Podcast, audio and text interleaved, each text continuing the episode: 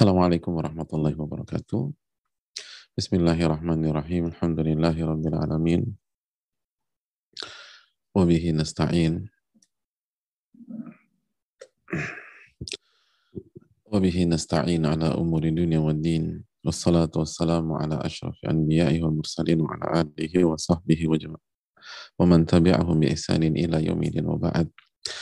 ونشهد أن لا إله إلا الله وأن محمدا عبده ورسوله لا نبي بعده Hadirin Allah muliakan Alhamdulillah kita panjatkan puji dan syukur kita kepada Allah Subhanahu wa taala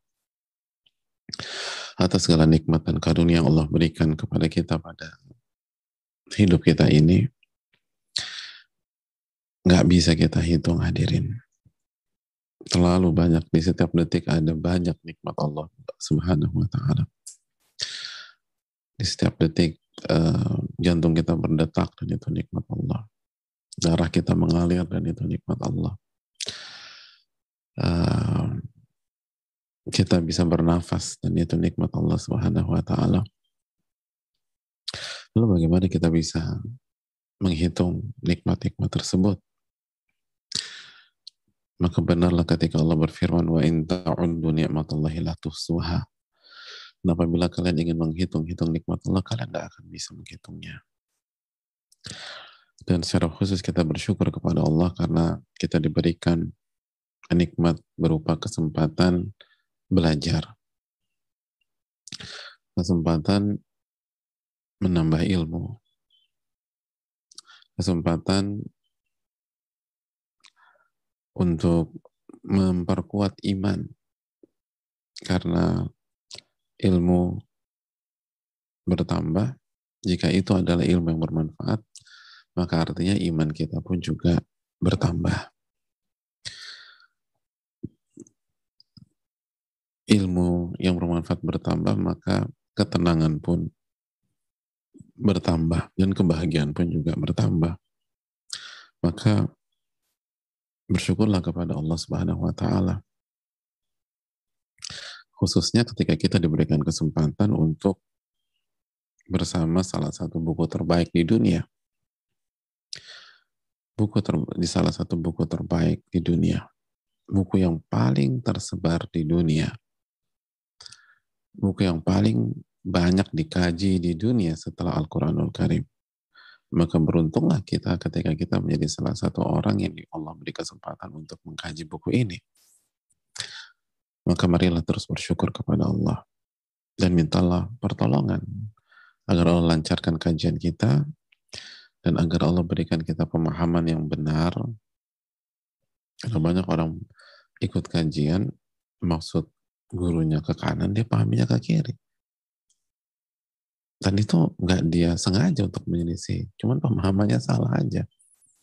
Nah kita meminta pertolongan agar pola pikir kita tidak keliru, pemahaman kita dituntun oleh Allah Subhanahu wa taala. Dan kita meminta pertolongan agar Allah memberikan taufik kepada kita sehingga kita bisa menerima. Nah, semua orang yang mendengar itu mau menerima. Semoga kita diberikan taufik agar bisa menerima kebenaran dari Al-Quranul Karim dan hadis Nabi SAW. Dan mintalah pertolongan kepada Allah agar kita bisa mengamalkan apa yang kita pelajari. Hadirin Allah muliakan, selalu berdoa Allahumma inna nas'aluka ilman nafi'a wa na'udzubika min ilmin la yanfa'. Ya Allah berikanlah kami ilmu yang bermanfaat dan lindungilah kami dari ilmu yang tidak bermanfaat. Inti dari ilmu itu adalah ilmu yang bermanfaat. Sebagaimana dikatakan Al-Imam Ash-Syafi'i rahimahullah, innamal ilmu ma nafa' wa laysa ma ilmu itu yang bermanfaat bukan sekedar dihafal. Walaupun hafal itu penting hadirin. Sangat penting. Semoga Allah memberikan kita ilmu yang bermanfaat. Dan terakhir marilah kita perkuat syahadatin kita. Ingat terus bahwa kita adalah hamba hamba yang beribadah hamba yang mengabdi. Jangan sampai kita melakukan kesyirikan Jangan sampai kita sekutukan Allah Subhanahu wa taala. Beribadalah hanya kepada Rabbul Alamin.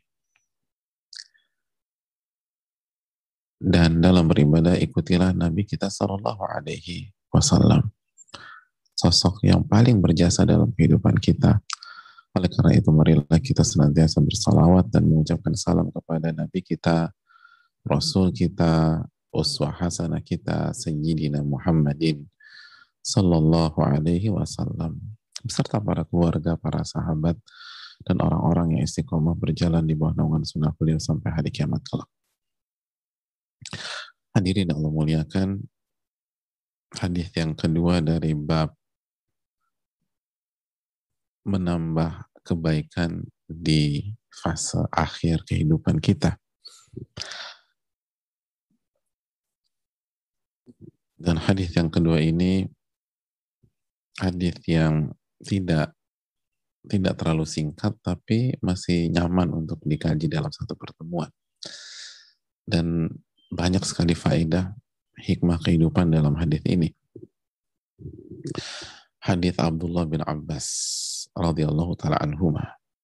Mari kita langsung bersama Al-Imam An-Nawawi rahimahullah semoga Allah merahmati beliau, merahmati keluarga beliau, orang-orang yang beliau cintai dan semoga Allah merahmati seluruh kaum muslimin, seluruh jamaah di mana pun berada. Dan uh, sekali lagi kita bersyukur kepada Al-Imam An-Nawawi dari atau atas bagaimana beliau menyusun buku ini dan bagaimana memasukkan hadis-hadis ke dalam kitab ini. Contohnya hadis Abdullah bin Abbas. Uh, beliau menyampaikan rahimahullah rahimahullah taala. Berkata Imam Nawawi semoga Allah merahmati beliau. Ani bin Abbas dari Abdullah bin Abbas radhiyallahu taala anhuma. Qala kana Umar yudakhiluni ma'a asyakhi Badar. Umar radhiyallahu taala an maksudnya Umar bin Khattab radhiyallahu taala an. Kita langsung masuk ke terjemahannya saja uh, beliau radhiyallahu Umar radhiyallahu taalaan itu mengajakku untuk hadir bersama sahabat-sahabat senior alumni perang Badar. Jadi Umar bin Khattab radhiyallahu taalaan itu mengajakku untuk hadir di majelis yang isinya adalah asyakhi badar. Sahabat-sahabat senior. Orang-orang tua. Dan mereka ikut perang badar. Ini majelis yang sangat prestisius. Dan majelis itu meeting tersebut kalau bahasa kita sekarang pertemuan itu itu hanya dihadiri oleh sosok-sosok senior yang mengikut yang dulu mengikuti perang Badar. Nah, Abdullah bin Abbas diajak sama Umar ikut di majelis itu hadirin. Dan belum masih junior pada saat itu. Beliau masih sangat amat muda.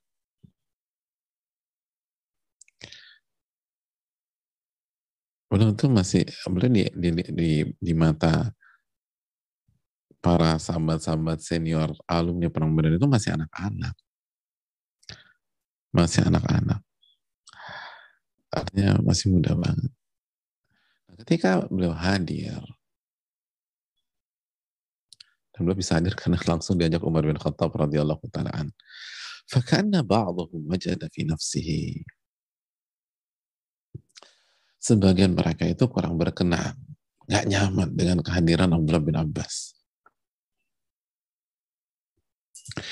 Karena sekali lagi ini forum para senior.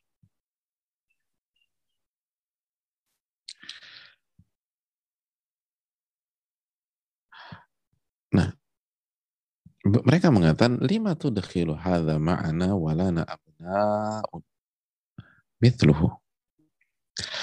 Lima tuh dakhil. Kenapa engkau wahai Umar bin Khattab mengajak anak ini sehingga gabung dengan kita. Sedangkan kita-kita juga punya anak yang seusia dia. Yang seusia dia. Dan kita nggak bawa anak-anak kita loh. Kita nggak ngajak anak-anak kita. Jadi kita ini punya anak juga seusia dia. Seusia Abdullah bin Abbas. Dan kita nggak ngajak anak-anak kita. Kenapa dia ikut? Kenapa dia gak? Kenapa dia gabung? Hadirin Allah muliakan.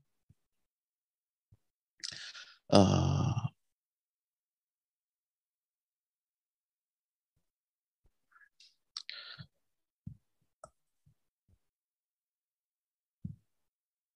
pada saat itu Umar bin Khattab menjawab, Innahu min haithu alimtum.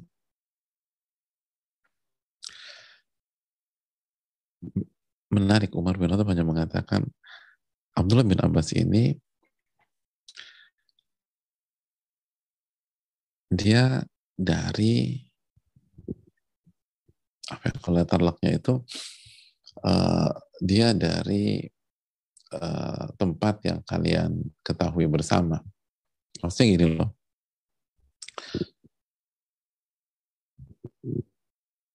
Kalian sudah tahu keutamaan Abdullah bin Abbas. Kalian sudah tahu bahwa ini ini ini sosok ini cerdas, pintar, spesial gitu loh. Dan dari keluarga yang spesial. Ini dari keluarga Nabi Shallallahu Alaihi Wasallam. Jadi bahasa kita, ya kalian tahulah kualitas Abdullah bin Abbas dan dari mana dia berasal. Jadi Umar mengatakan, jangan samakan, ini beda gitu loh. Ini beda. Jangan samakan dengan anak-anak yang lain. Ini spesial. Dan kalian tahu itu. Dan kalian udah tahu. Nah hadirin yang dijelaskan oleh sebagian para ulama bahwa sebagian para sahabat atau senior-senior perang Badar, alumni perang Badar, itu tidak tidak apa tidak mengkritik atau tidak memberikan masukan dari sisi kapasitas keil apa kecerdasan Abdullah bin Abbas, kepintaran Abdullah bin Abbas dan lain sebagainya enggak. Atau apalagi imannya Abdullah bin Abbas, backgroundnya Abdullah bin Abbas, keluarganya Abdullah bin Abbas tidak. Tapi kata sebagian para ulama, mereka itu mempertanyakan dari sisi umur. Dari sisi umur apakah udah cukup umur untuk gabung sama kita-kita. Adapun dari pintar, cerdas, lalu ini keluarga Nabi SAW, mereka sudah paham itu. Makanya Umar tidak memperinci. Umar hanya mengatakan, innahu min haithu alim. Kan udah tahu lah kualitas Abdullah bin Abbas gimana dan dari mana beliau berasal. Dan para sahabat pun diam pada saat itu. Ada yang ngejar lagi. Oh, nggak ada yang bilang, emangnya dia pintar ya? Emangnya dia berilmu ya? Emangnya dia cerdas ya? Enggak. Karena bukan itu isunya. Isunya ada, ini masih kecil nih gitu loh. Kita tahu mereka dia cerdas dan seterusnya. Tapi Umar tetap uh, melibatkan beliau. Jadi ini hanya masalah usia. Jadi bukan karena uh, meremehkan uh, orang, enggak. Enggak sama sekali. Dan kita tahu bahwa para sahabat adalah manusia yang atau orang-orang yang hatinya itu bersih. Sebagaimana ucapan Abdullah bin Mas'ud, Allah melihat hati manusia setelah Allah memilih Rasulullah SAW. Dan ternyata setelah itu yang paling bersih adalah hatinya para sahabat. Maka para sahabat yang dipilih untuk mendampingi Rasulullah SAW. Sebagaimana riwayat Abdullah bin Mas'ud. radhiyallahu ta'ala. Jadi gak, mereka nggak hasad. Atau mereka nggak sombong. Enggak. Tapi kita tahu di dalam kehidupan sosial dan dalam kehidupan real ada masalah-masalah yang anak kecil itu belum saatnya mendengar. Belum saatnya membahas hal tersebut. Atau belum saatnya diperdengarkan hal tersebut. Secerdas, atau walaupun dia cerdas gitu loh. Walaupun dia pintar. Walaupun misalnya dia ini lulusan terbaik di SD 05 misalnya, misalnya ada SD 05 dan SD 05 itu SD terbaik di Pulau Jawa misalnya begitu atau di Indonesia. Ini yang tapi ada karena faktor usia dia belum saatnya dengar pembicaraan orang-orang dewasa. Hal-hal yang dibahas para senior. Hal-hal yang dibahas para senior masalah-masalah keumatan misalnya dan sebagainya. Udah anak, anak kecil belum waktunya. Waktu kita tahu dia cerdas gitu. Tapi ada masalah-masalah yang di dalam kehidupan real uh, itu anak remaja atau anak kecil gitu belum waktunya mendengar itu atau belum waktunya membahas itu. Beliau mereka masih butuh pengalaman dan jam terbang dan tambahan umur dan usia untuk membahas hal-hal tersebut. Dan ini bukan tentang apa bukan tentang uh, masalah orang dewasa dalam tanda kutip ya bukan. Ini masalah masyarakat, masalah sosial gitu loh. Dan lain sebagainya. Nah, itu yang diangkat oleh mereka. Di di sini bukan karena mereka nggak tahu atau meremehkan atau sombong enggak ini sebatas itu kok. Dan itu real. Itu wajar gitu itu sangat wajar. Ketika orang-orang tua minta eh, kita steril dan eh, anak-anak eh, muda remaja itu nanti dulu. Hadirin yang Allah muliakan. Tapi Umar tetap ber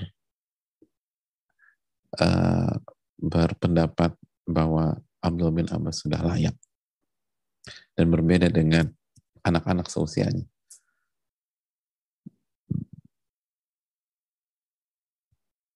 Dan untuk membuktikan ucapannya, suatu hari Umar kembali mengundang Abdul bin Abbas untuk hadir di pertemuan para senior tersebut. Diundang lagi.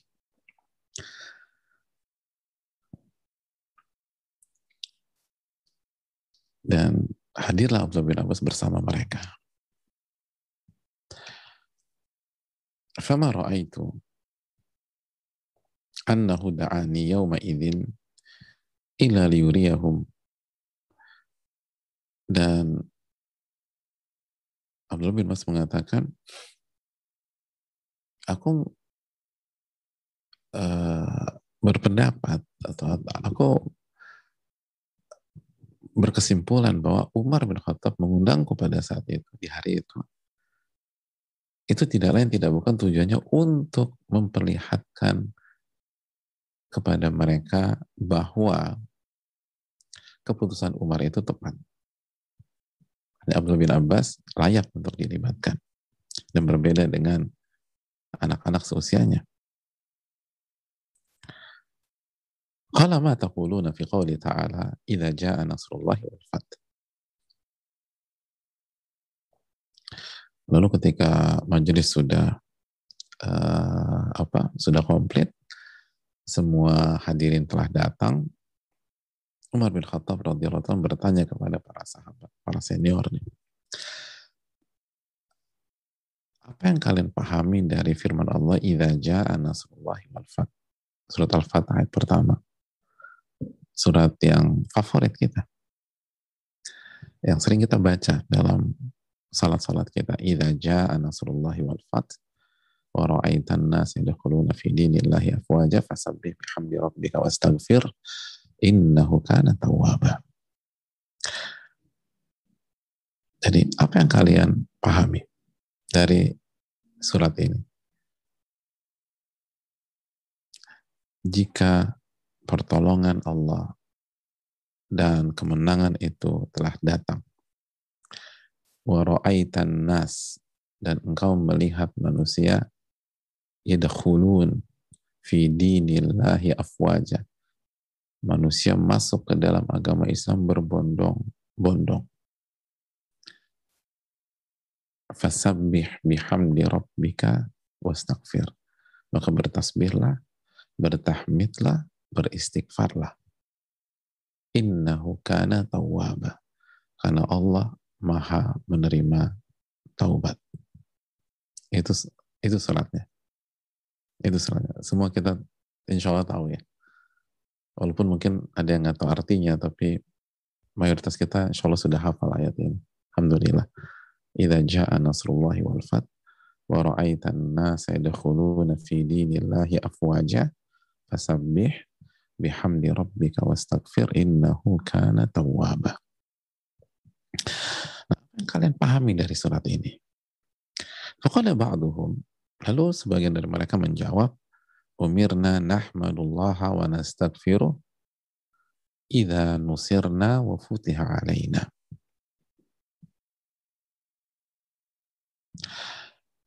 Kata, kata sebagian mereka bahwa surat ini jika telah datang pertolongan dan kemenangan jika telah datang pertolongan Allah dan kemenangan dan kalian melihat manusia masuk dalam Islam secara berbondong-bondong maka ber, ber, bertasbih, ber, bertahmid dan beristighfarlah. Maksudnya adalah kita diperintah untuk bertahmid mengucapkan Alhamdulillah dan beristighfar jika Allah menolong kita dan Allah berikan kemenangan untuk kita. Itu yang kami pahami dari ayat di atas. Jadi sekali lagi sebagian sebagian uh, anggota forum di forum itu yang isinya para senior menyatakan bahwa kita diperintahkan untuk bertasbih, bertahmid, beristighfar jika Allah menolong kita dan jika Allah memberikan kemenangan kepada kita. Hadirin Allah muliakan, wasakata ba'duhum. Dan sebagian uh, sebagian orang lain atau sebagian anggota forum yang lain, mereka diam. Falam yakul syai'an. Mereka tidak bicara sama sekali. Mereka tidak bicara sama sekali. Mereka diam. Lihat bagaimana para sahabat-sahabat Nabi SAW, mereka tidak cari panggung. Mereka punya warok. Kalau mereka nggak yakin benar, mereka nggak akan bicara. Atau mereka cukupkan saudara mereka yang bicara. Kalau ternyata sama. Karena mereka tahu, apalagi berbicara tentang agama Allah itu, hisapnya itu nggak mudah di hari kiamat. Faqala.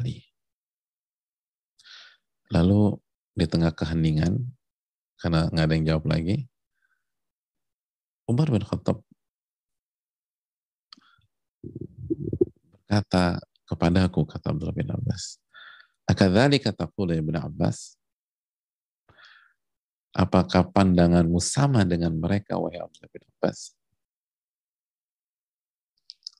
Fakultulah, Lalu kata Abdullah bin Abbas, tidak. Jadi kita, apakah pandanganmu sama dengan jawaban tadi? Kata Abdullah bin Abbas, tidak. Qala fama taqul. Oke, kalau gitu, apa pandanganmu? Apa yang kau pahami? Apa yang ilmu ya, apa, uh, tolong jelaskan ilmu yang kau miliki. Wa huwa ajalu Rasulillah sallallahu alaihi wasallam. Kata Abdullah bin Abbas, ini adalah ajal Rasulullah Sallallahu Alaihi Wasallam. Ini adalah ajal Rasul Sallallahu Alaihi Wasallam. A'lamahu lahu.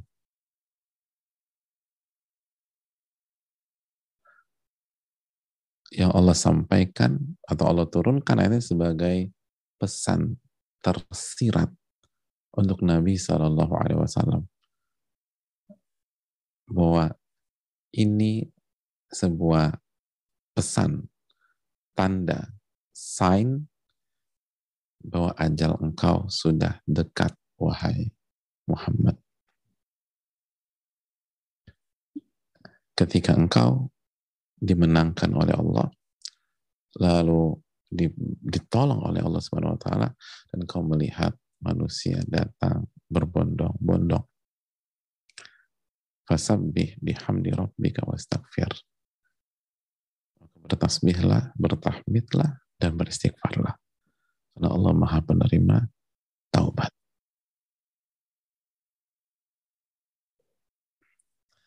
Ini adalah pesan bahwa ajal Nabi SAW sudah dekat. Hadirin Allah muliakan, Faqala Umar. Berkata Umar bin Khattab radhiyallahu taala Ma'a'lamu minha illa ma taqul. Aku tidak memahami ayat ini atau surat ini kecuali seperti yang engkau pahami wahai Abdullah bin Abbas. Hadis surat Imam Al-Bukhari.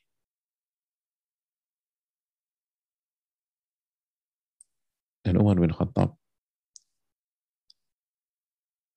dengan taufik dari Allah berhasil menjelaskan kepada para sahabat-sahabat senior kenapa anak kecil ini diundang di forum tersebut. Dan benar, ini adalah tanda dekatnya waktu dan dekatnya ajal Rasulullah SAW. Dalam riwayat yang dibawakan Ibnu Kathir dari Abdullah bin Umar bahwa ayat ini turun di hari-hari tasyrik.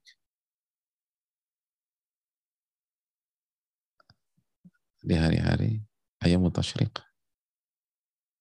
Bukannya Nabi waktu itu berkhutbah. Dan jarak dengan wafat Nabi sangat singkat. Oleh karena itu hadirin Allah muliakan.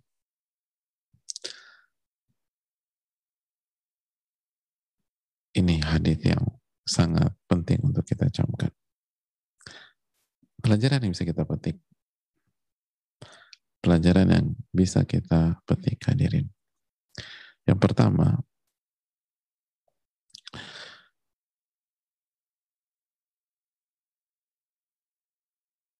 yang pertama,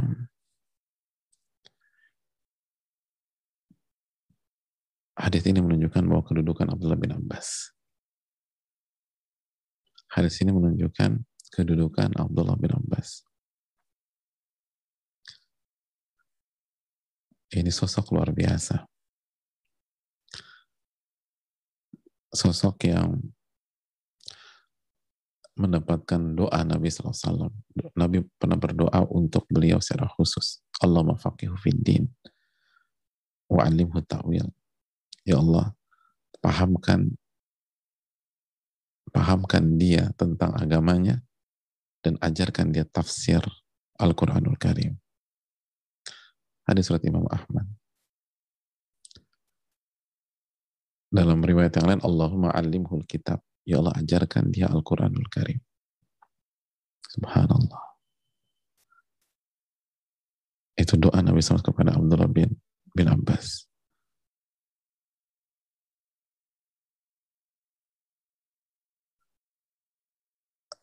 Dan hadis ini menunjukkan betapa doa Nabi diijabah oleh Allah. Alim. Dari kecil, dari remaja udah alim. Ini pelajaran yang berharga buat kita. Dan kita harus semakin mengenal para sahabat Nabi SAW. mengenal keluarga Nabi SAW dan menjadikan mereka sebagai teladan setelah Nabi Wasallam. Karena salah satu krisis kita atau di masyarakat kita adalah kehilangan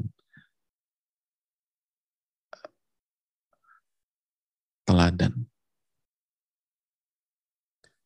yang real, yang soleh, dan yang solehah. Yang apa yang mereka menginspirasi kita dalam kehidupan kita. Dan salah satu yang layak untuk diikuti adalah setelah Nabi SAW adalah Abdullah bin Abbas. Pelajaran yang kedua hadirin yang memuliakan. Uh, pentingnya musyawarah dalam kehidupan. Pentingnya musyawarah di dalam kehidupan. Khususnya musyawarah dengan ahli ilmu. Dengan guru kita dan musyawarah tidak bisa dipisahkan dengan kehidupan seorang muslim. Tidak bisa dipisahkan dengan kehidupan orang-orang beriman. Gak bisa.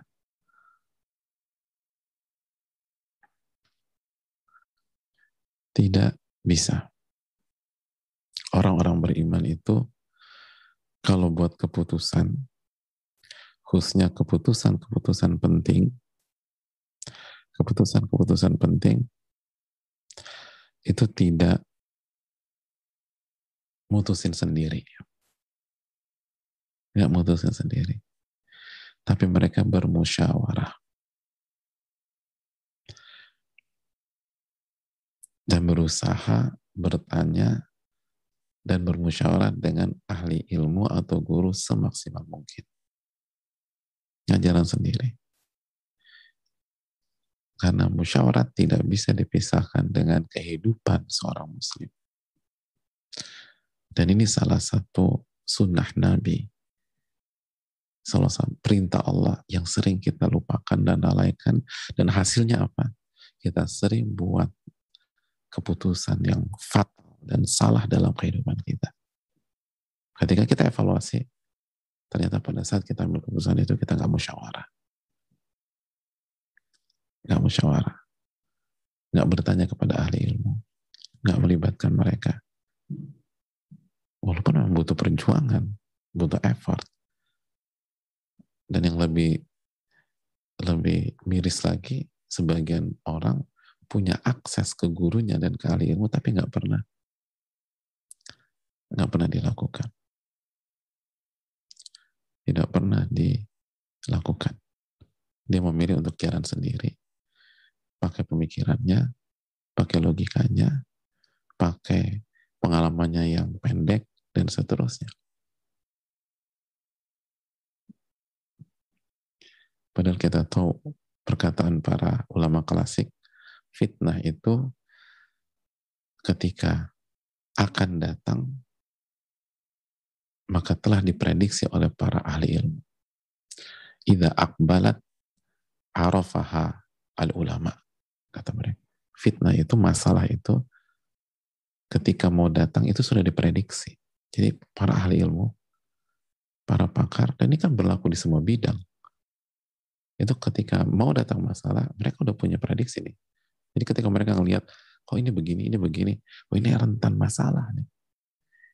Ini kalau nggak dirubah akan datang masalah. Atau kondisi begini, ini ngundang masalah. Mereka udah bisa prediksi.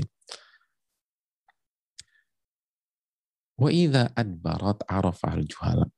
Dan ketika sudah kejadian, baru orang-orang awam atau orang-orang yang nggak ngerti, orang-orang bodoh tersadar, oh iya ternyata ada masalah ya. Udah kejadian baru, oh iya, gitu. oh iya. Awalan, oh iya, oh iya benar kata guru saya.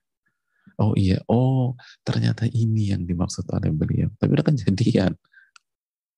Dan sering kali ketika dinasehatin, karena ini baru, karena ini belum kejadian, orang yang nggak punya ilmu cenderung nggak terima, cenderung ngotot, cenderung jalan sendiri. Dan begitu kejadian, udah selesai. Musyawarah itu kehidupan orang-orang beriman. Coba buka surat Ash-Shura ayat 36, 37 dan 38.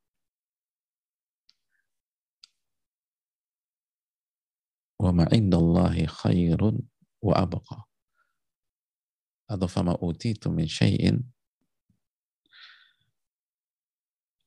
maka segala sesuatu yang diberikan kepada kalian maka itu adalah kenikmatan hidup di dunia. Famata'ul hayati dunia.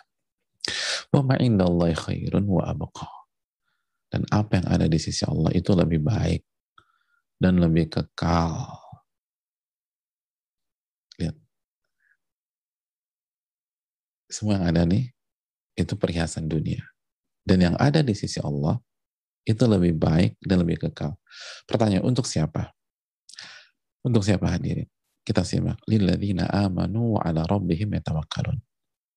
Untuk orang-orang beriman dan orang-orang yang bertawakal hanya kepada Allah Subhanahu wa taala. Pegang rata-rata lebih baik dan lebih lebih kekal untuk orang-orang beriman dan orang-orang yang bertawakal kepada Allah semata. Lanjut. Walladzina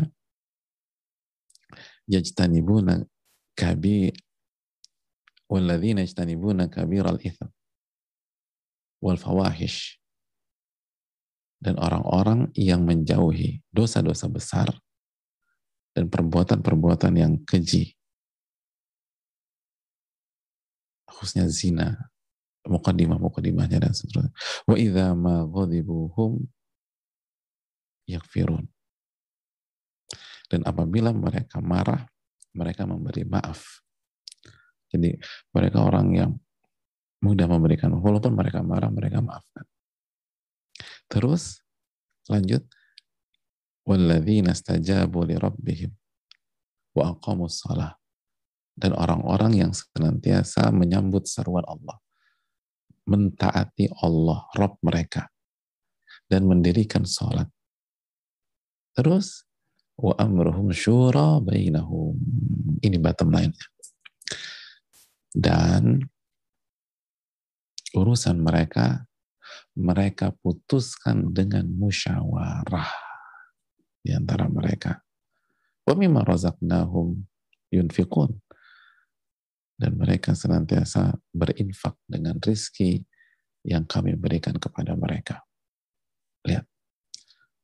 Orang-orang beriman yang hanya yang bertawakal hanya kepada Allah yang meninggalkan dosa besar, yang meninggalkan perbuatan keji, lalu yang memaafkan walaupun mereka marah, lalu yang senantiasa menyambut seruan Allah, lalu yang menegakkan sholat dan bermusyawarah jika ada urusan yang harus diputuskan. Ini orang-orang beriman. Ini orang-orang beriman. Jadi bayangkan, beriman. Allah satukan musyawarah dengan iman, dengan tawakal, dengan meninggalkan dosa besar, dengan meninggalkan perbuatan keji, zina, dengan meninggalkan uh, atau bukan dengan dengan sikap memaafkan walaupun lagi marah, dengan menyambut seruan Allah, Sholat. Bayangkan dikaitkan dengan sholat.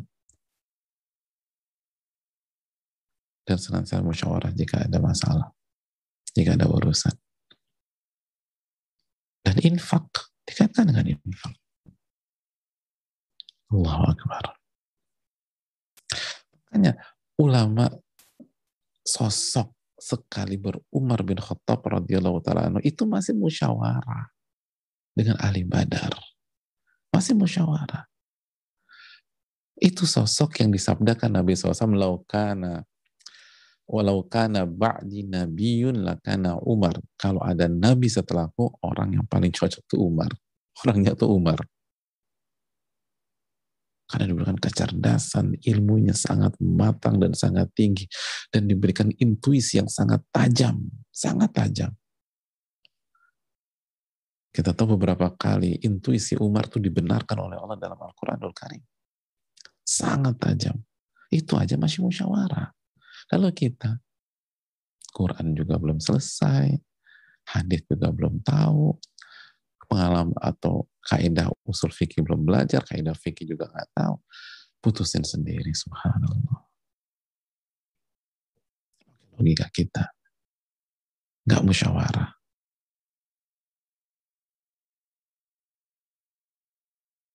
Nabi saja disuruh musyawarah sama Allah, syawirhu fil amr. Wahai Rasul, musyawarah dengan para sahabat. Padahal yang dapat wahyu siapa hadirin? Beliau salam Tapi tetap disuruh musyawarah. Makanya Alimam Tobari dan para mengatakan, ini ayat tuh ayat yang sangat sangat unik gitu loh. Yang dapat wahyu disuruh musyawarah. Padahal udah dapat wahyu. Allah nggak bilang, udah pokoknya kalau ada apa-apa sama mereka Jibril aja, nggak usah libatin sahabat-sahabat kamu. Karena kan sahabat-sahabat kamu nggak maksum, sahabat-sahabat kamu nggak dapat wahyu, yang dapat wahyu kan kamu yang Muhammad enggak. Bermusyawarah dengan mereka. Padahal yang dapat wahyu itu Nabi SAW, yang maksum Nabi SAW. Tapi tetap disuruh musyawarah. Tetap disuruh musyawarah. Lalu bagaimana dengan kita? Makanya banyak keputusan-keputusan kita tuh nggak berkah. Banyak langkah kita itu menimbulkan masalah. Bukannya selesai malah tambah parah. Kenapa? Salah satunya kita meninggalkan perintah Allah Subhanahu wa taala bermusyawarah. Bermusyawarah. Dan lihat bagaimana dan usahakan bermusyawarah dengan ahli ilmu, dengan guru kita. Dan Umar bermusyawarah tidak dengan seba, dengan sembarang orang. Yang dilibatkan oleh Umar adalah ahlu badar, alumni perang badar alumni perang Badar hadirin itu secara ilmu, secara pengalaman, secara ketakwaan matang semuanya. Secara ilmu, ilmu mereka luar biasa. Secara umur, mereka senior.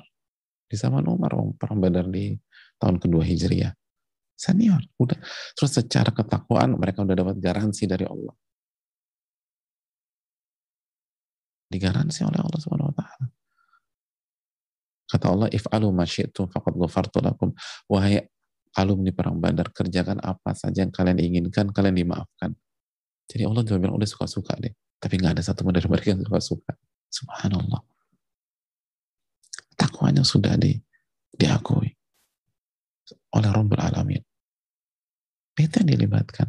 Jadi oke, okay, ya uh, saya udah musyawarah, tapi kok masih berantakan urusan? Pertanyaan musyawarah sama siapa? Sama orang yang menggunakan yang punya ilmu atau sama sesama orang awam juga yang hanya pakai akal, yang hanya pakai logika, yang pakai hawa nafsu terkadang, yang dari awal punya kepentingan. Jadi kita ini musyawarah sama siapa?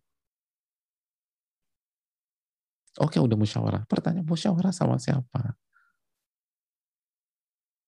Lihat kembali ayat tadi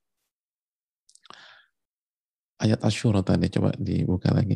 Kan lihat di ayat ke-30 apa? Uh, ayat ke-38 Allah mengatakan wa amruhum syura bainahum dan urusan mereka diputuskan dengan musyawarah di antara mereka. Di antara mereka tuh siapa hadirin? Ini kan lagi bicara tentang orang beriman, orang yang bertawakal, lalu meninggalkan dosa besar, lalu uh, tidak melakukan fawahish, perbuatan keji, zina dan lain-lain, lalu tidak uh, atau memaafkan ketika marah, sangat objektif berarti orangnya. Jadi bukan hanya bertakwa tapi objektif sehingga mereka bisa maafkan walaupun mereka marah. Lalu mereka menyambut seruan Allah. Jadi mereka belajar, mereka menuntut ilmu karena kalau nggak bagaimana mereka tahu apa perintah dan larangan Allah. Lalu mereka sambut bukan hanya cuma ngaji jiping atau bukan hanya sekedar wawasan, mereka terima dan mereka kerjakan. Lalu mereka sholatnya bagus. Nah, lalu mereka berinfak dengan mereka Anda bermusyawarah. Itu poinnya. Wa amruhum syura bainahum. Dan perkara-perkara mereka dimusyawarahkan di antara mereka. Di circle itu. Bukan cari cari apa cari komunitas lain. Bukan. Di circle itu musyawarah. Jadi musyawarah. Lalu dengan siapa kita musyawarah? Cari. Cari kalau musyawarah itu cari orang yang yang sholatnya bagus. Yang bertawakal kepada Allah. Walaupun nggak cerdas berkah insya Allah. Benar deh walaupun kelihatannya dari kecerdasan ah ini kecerdasan aneh ini daripada dia. Emangnya hidup tentang kecerdasan semata ini oke dia nggak cerdas. Tapi sebelum itu dia berdoa sama Allah. Tawakalnya kasih kepada Allah. Dia dia dia apa? Dia gantungkan hanya kepada Allah.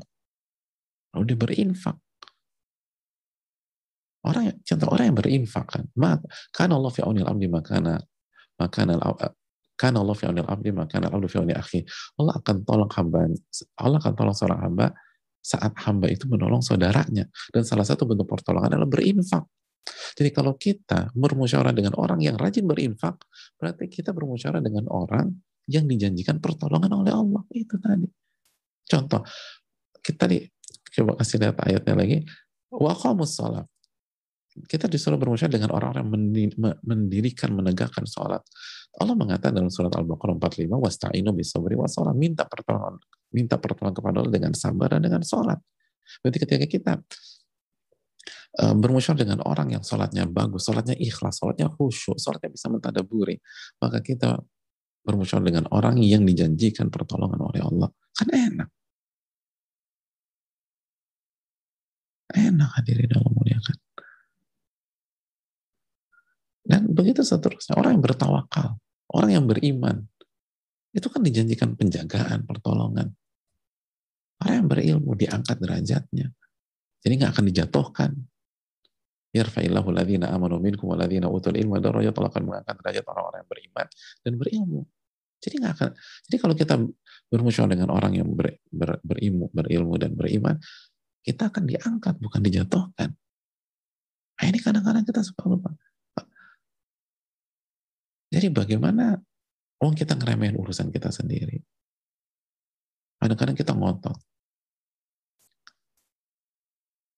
Jalan terus gitu. Padahal kita udah diarahkan. Kalau misalnya ada perbedaan pendapat kalau kita mengikuti salah satu pandangan dari ahli ilmu nggak ada masalah. Tapi yang ininya kadang-kadang kita ngotot dengan keawaman kita dan tidak menggubris nasihat dari yang lebih berilmu dari kita. Akhirnya masalah. Jadi bermusyawarahlah. Dan part kedua, siapa yang kita ajak musyawarah? Nah, ini ilmu kehidupan hadirin. Dan Umar mencontohkan makanya berkah. Pelajaran yang berikutnya hadirin yang Allah muliakan. Uh,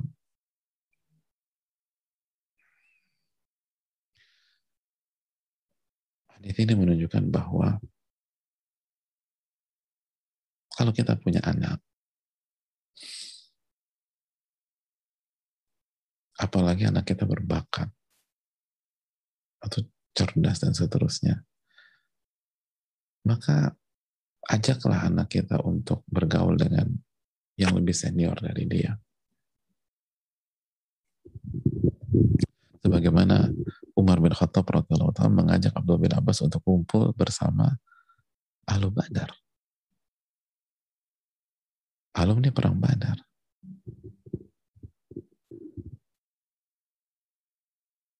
Mungkin misalnya dalam kecerdasan, misalnya Ibnu Abbas lebih cerdas, lebih tahu tafsir Al-Quran. Tapi pengalaman tidak bohong hadirin.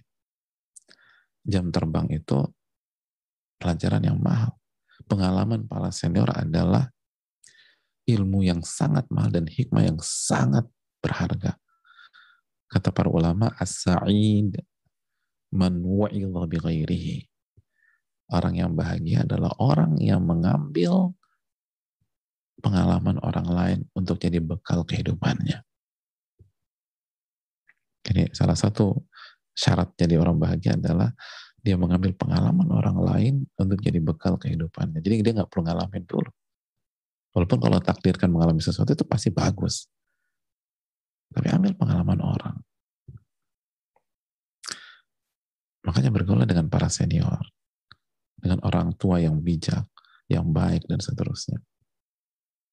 Tentu saja ini sesuai dengan uh, apa sesuai dengan uh, kualitas dari anak-anak kita Makanya kenapa yang dilibatkan dengan ahli badar hanya Abdullah bin Abbas?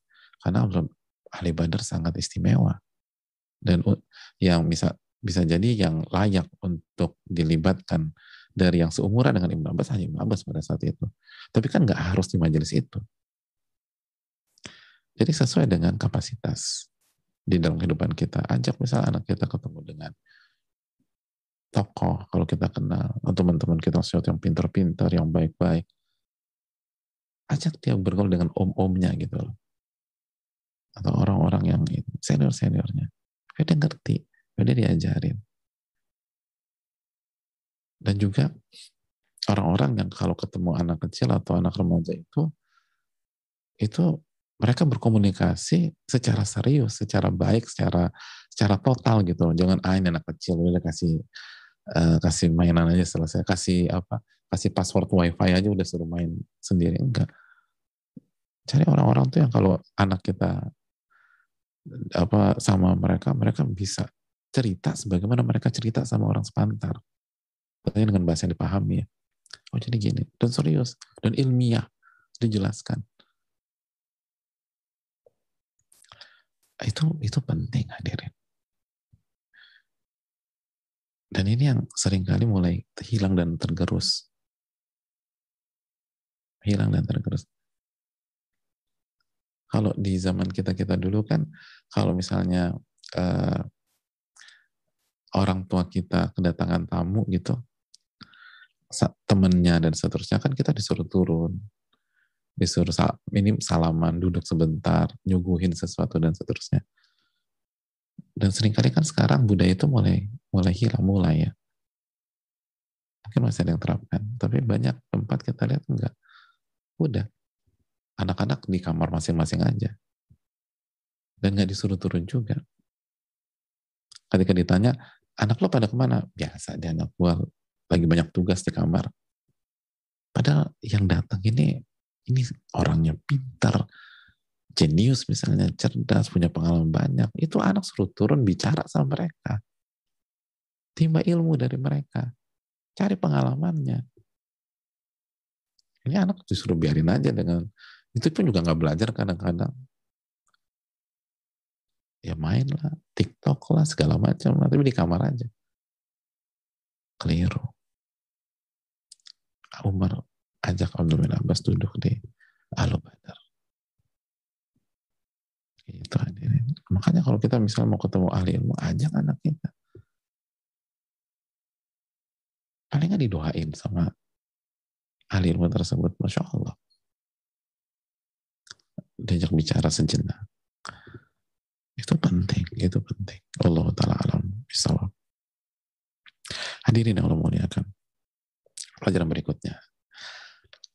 Hadirin uh,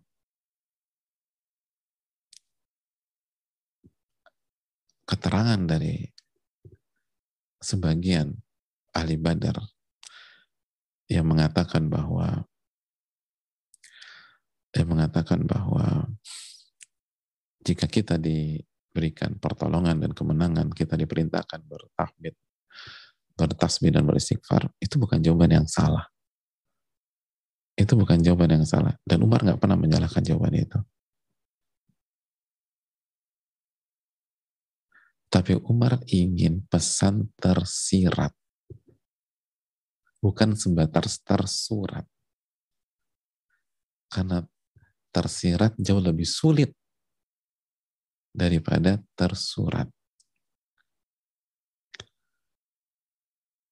Atau dalam bahasa magzanya gitu. Jadi pesan-pesan yang sangat dalam di balik itu. Yang tidak tidak tidak terungkap dalam bentuk kata. Tapi pesan-pesan itu ada jelas. Dan itu karena kalau hanya tersurat, nggak akan memperlihatkan kelebihan Abdul bin Abbas dibanding yang lain. Umar ingin yang tersirat, bukan yang tersurat. Makanya nggak nggak nggak salah, benar. Begitu ada pertolongan, begitu ada kemenangan, kita disuruh bertasbih, ber, bertahmid dan beristighfar. Tapi bukan hanya itu yang diinginkan. Beliau ingin tersirat. Dan itu yang dijawab oleh Abdullah bin Abbas. Jadi jangan berpikir jawaban itu salah, nggak jawaban itu nggak salah. Jawaban itu tidak salah. Wallahu ta'ala Lalu yang pelajaran berikutnya, hadirin Allah muliakan, lihat bagaimana bersihnya hati para sahabat.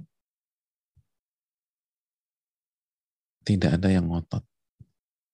Tidak ada yang ngejawab Umar. Tidak ada yang membantah atau menolak jawaban dari Abdullah bin Abbas hanya karena dia masih kecil dibanding mereka. Mereka terima. Makanya ketika mereka nggak nyaman itu bukan karena mereka hasad. Tapi mereka bertanya apakah usianya sudah cukup untuk membicarakan hal-hal besar seperti ini. Itu poinnya. Dan ketika Umar memperlihatkan kemampuan Abdullah bin Abbas mereka terima. Jadi banyak apa para ulama mengatakan ini bukan hanya tentang keutamaan Abdullah bin Abbas, ini juga tentang keutamaan ahli Badar. Gak mudah loh. Orang tua senior dengan semua pengalaman, dengan semua prestasi, tiba-tiba ada anak kecil cukup-cukup saya nggak bicara kontak eh, apa konteks ini ya mungkin apa di bidang lain tiba-tiba datang anak kecil terus nerangin dan jawaban dia lebih dalam daripada jawaban kita sebagai orang tua terus kita terima dengan lapang dada itu susah minta ampun itu akan ada ego, akan ada ujub, akan ada kesombongan yang dihembuskan oleh syaitan kepada kita. Lalu ada hawa nafsu kita. Manusia nggak pengen terlihat kalah di forum mana pun dan dalam bentuk kekalahan apa pun. Tapi lihat Al Badar, terima, terima. Tidak ada komentar sama sekali, terima. Subhanallah. Ya, kita butuh hati-hati selapang ini jamaah sekalian. Terima. Walaupun yang nyampaikan Abdul bin Abu. Terima. Karena mereka hanya cari kebenaran. Jadi benar-benar pure. Apakah usianya sudah cukup untuk gabung dengan kita? Ya kalau cukup, ya ahlan. Udah. Jadi itu bukan kedok aja, itu benar-benar pertanyaan. Kalau memang cukup, ya sudah senang kita. Alhamdulillah. Itulah para sahabat itulah ahlul badar. Dan itulah tim musyawarahnya Umar bin Khattab. Makanya gimana nggak berkah? Musyawarahnya sama orang-orang yang hatinya bersih kayak begini. Dan alim bukan mereka nggak ngerti tapi Abdul Baras memang sangat spesial. Makanya gimana nggak berkah ketika tim apa uh, tim musyawarahnya Umar orang-orang hati sebaik ini sebersih ini seikhlas ini ya keputusan-keputusan juga Masya Allah hadirin. Allah ta'ala alam bisawab. Dan yang terakhir, sekali lagi ini adalah uh, pesan wafatnya Nabi SAW sudah dekat. Sudah dekat. Dan Nabi SAW menangkap hal tersebut. Dan para sahabat besar seperti Umar dan Abdullah bin Abbas juga membaca hal itu. Dan ini keutamaan Rasulullah Sallallahu Alaihi Wasallam. Keutamaan Rasul Sallallahu Alaihi Wasallam. Kenapa demikian? Karena beliau diwafatkan oleh Allah Subhanahu wa taala dengan sebaik-baik kondisi. Dengan sebaik-baik kondisi. Kondisi yang sangat luar biasa. Dari semua sisi bisa dikatakan uh, sangat perfect. Sangat perfect sangat perfect. Kenapa demikian? Karena dari segi pencapaian uh, pencapaian tugas-tugas zahir beliau tugas-tugas zahir beliau ulama kita mengatakan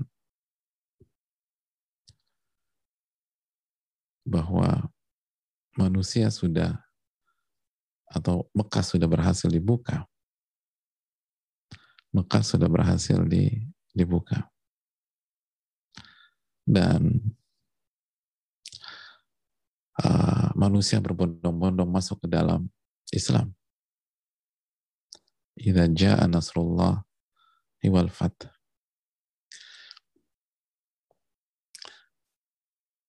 Ketika pertolongan Allah itu datang dan kemenangan itu hadir. Dan kemenangan yang dimaksud sebagian dijelaskan banyak para ulama adalah Fatu Mekah, pembukaan kota Mekah. Ketika Ka'bah kembali dimurnikan, kesyirikan dihilangkan di Baitullah dan diganti dengan bendera tauhid. Lalu hadirin Allah muliakan, uh, dan Jazirah Arab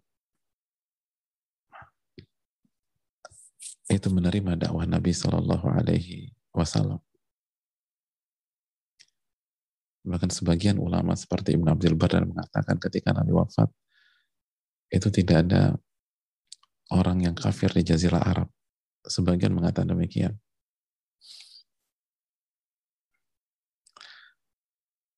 Jadi secara tugas zahir perfect.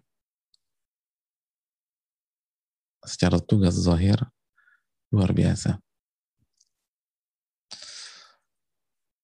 Lalu hadirin Allah muliakan.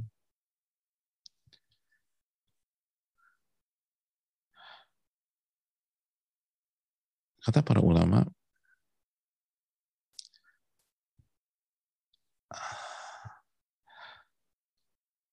secara ruh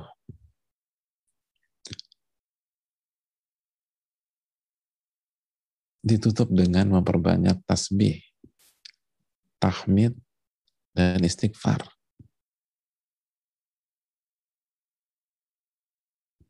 Jadi secara tugas zohir, semua dapat. Yang awalnya terusir dari Mekah, Mekah dibuka lagi dengan sangat elegan. Manusia masuk berbondong-bondong. Jazirah Arab menerima Nabi SAW dan beriman kepada Allah Subhanahu wa Ta'ala. Dan secara ruh, hadirin yang Allah muliakan, endingnya ditutup dengan tasbih, dengan tahmid, dan dengan istighfar. Oh, itu luar biasa. Itu sangat-sangat luar biasa. Jadi secara zohir dan secara batin, perfect. Secara zohir dan secara batin itu perfect. Dan itulah saat yang tepat bagi sosok sekali bernabi kita salam untuk meninggalkan dunia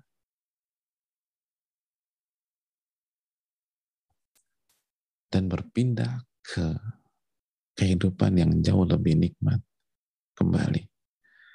Karena kata sebagian para ulama, tidak ada pencapaian di dunia yang lebih tinggi daripada apa yang sudah dicapai Nabi SAW.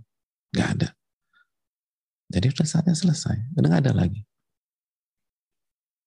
Semua tugas sudah dikerjakan. Kenikmatan tertinggi sudah didapat. Maka kalau bahasa, bahasa kita, saatnya naik level ke kehidupan berikutnya, itu kehidupan akhirat. Wal akhiratu khairul laka minal ula. Khairu wa abqa. Dan akhirat jauh lebih baik. akhirat jauh lebih kekal.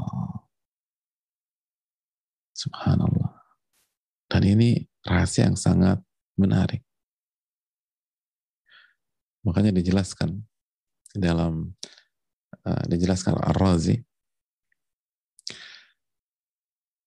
wajadta aqsa muradaka fid dunya fantakil fil akhirah litafuza bitilka sa'adatil abadiyah ketika engkau sudah mendapatkan semua yang engkau inginkan di dunia semuanya sudah dapat.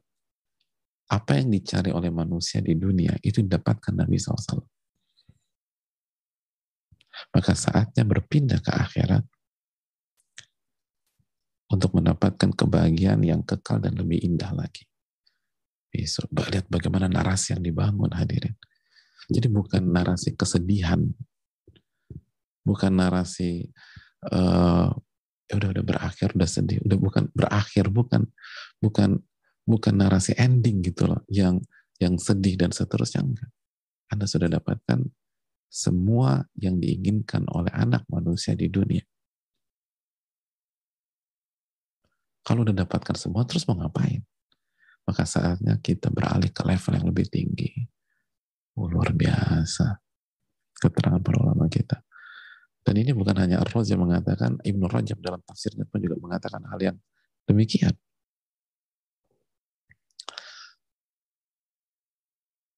Dikatakan pun demikian. Semua udah dapat. Bukan secara dohir dapat, secara batin isi isinya adalah zikrullah ya azza wajalla. Makanya disuruh perbanyak tasbih, tahmid, dan istighfar.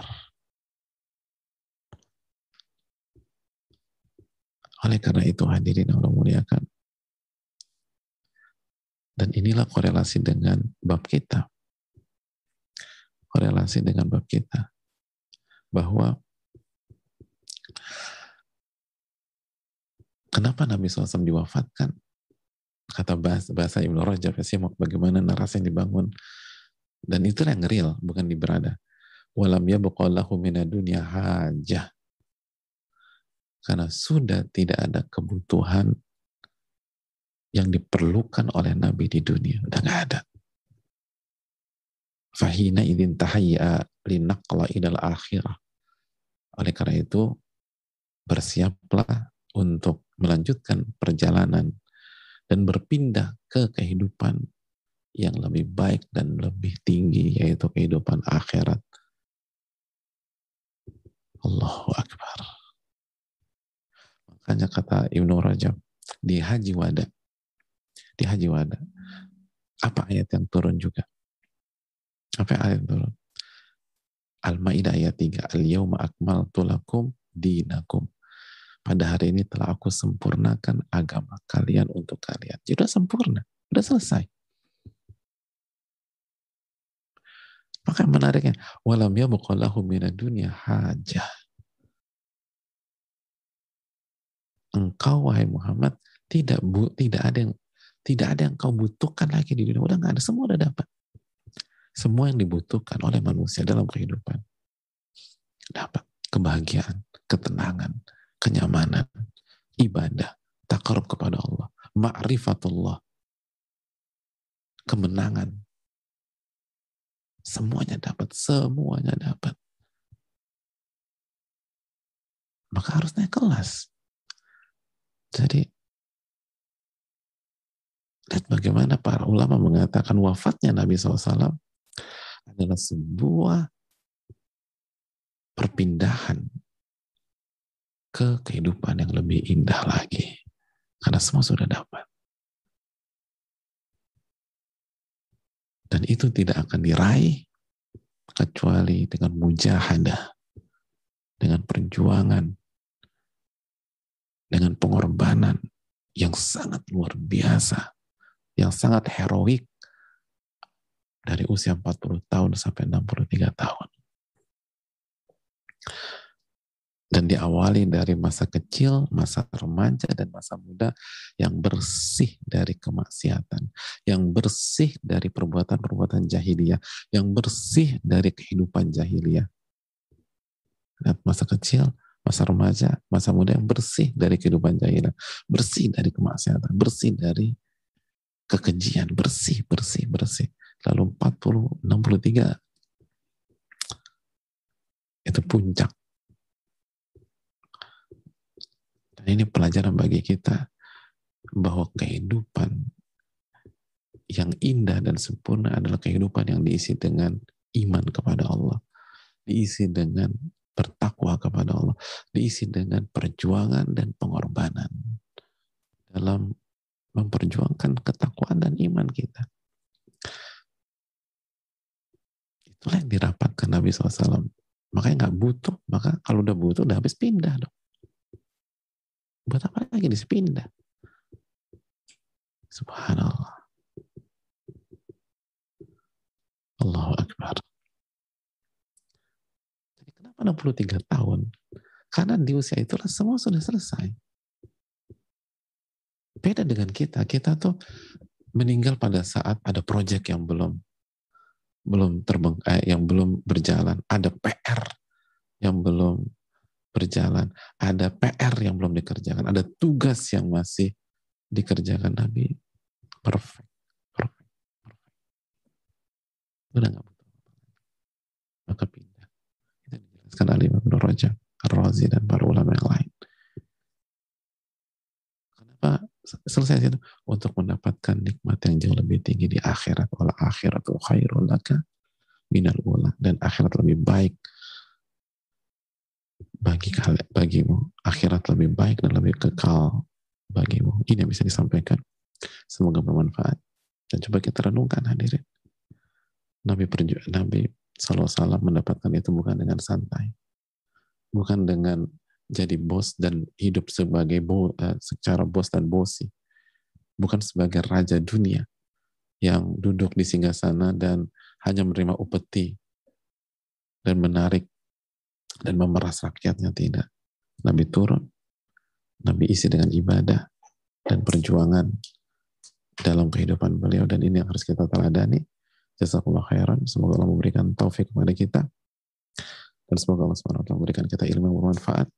Dan semoga Allah taala memberikan kita taufik dan menerima amal ibadah kita. Subhanallah wa bihamdihi assalamualaikum warahmatullahi wabarakatuh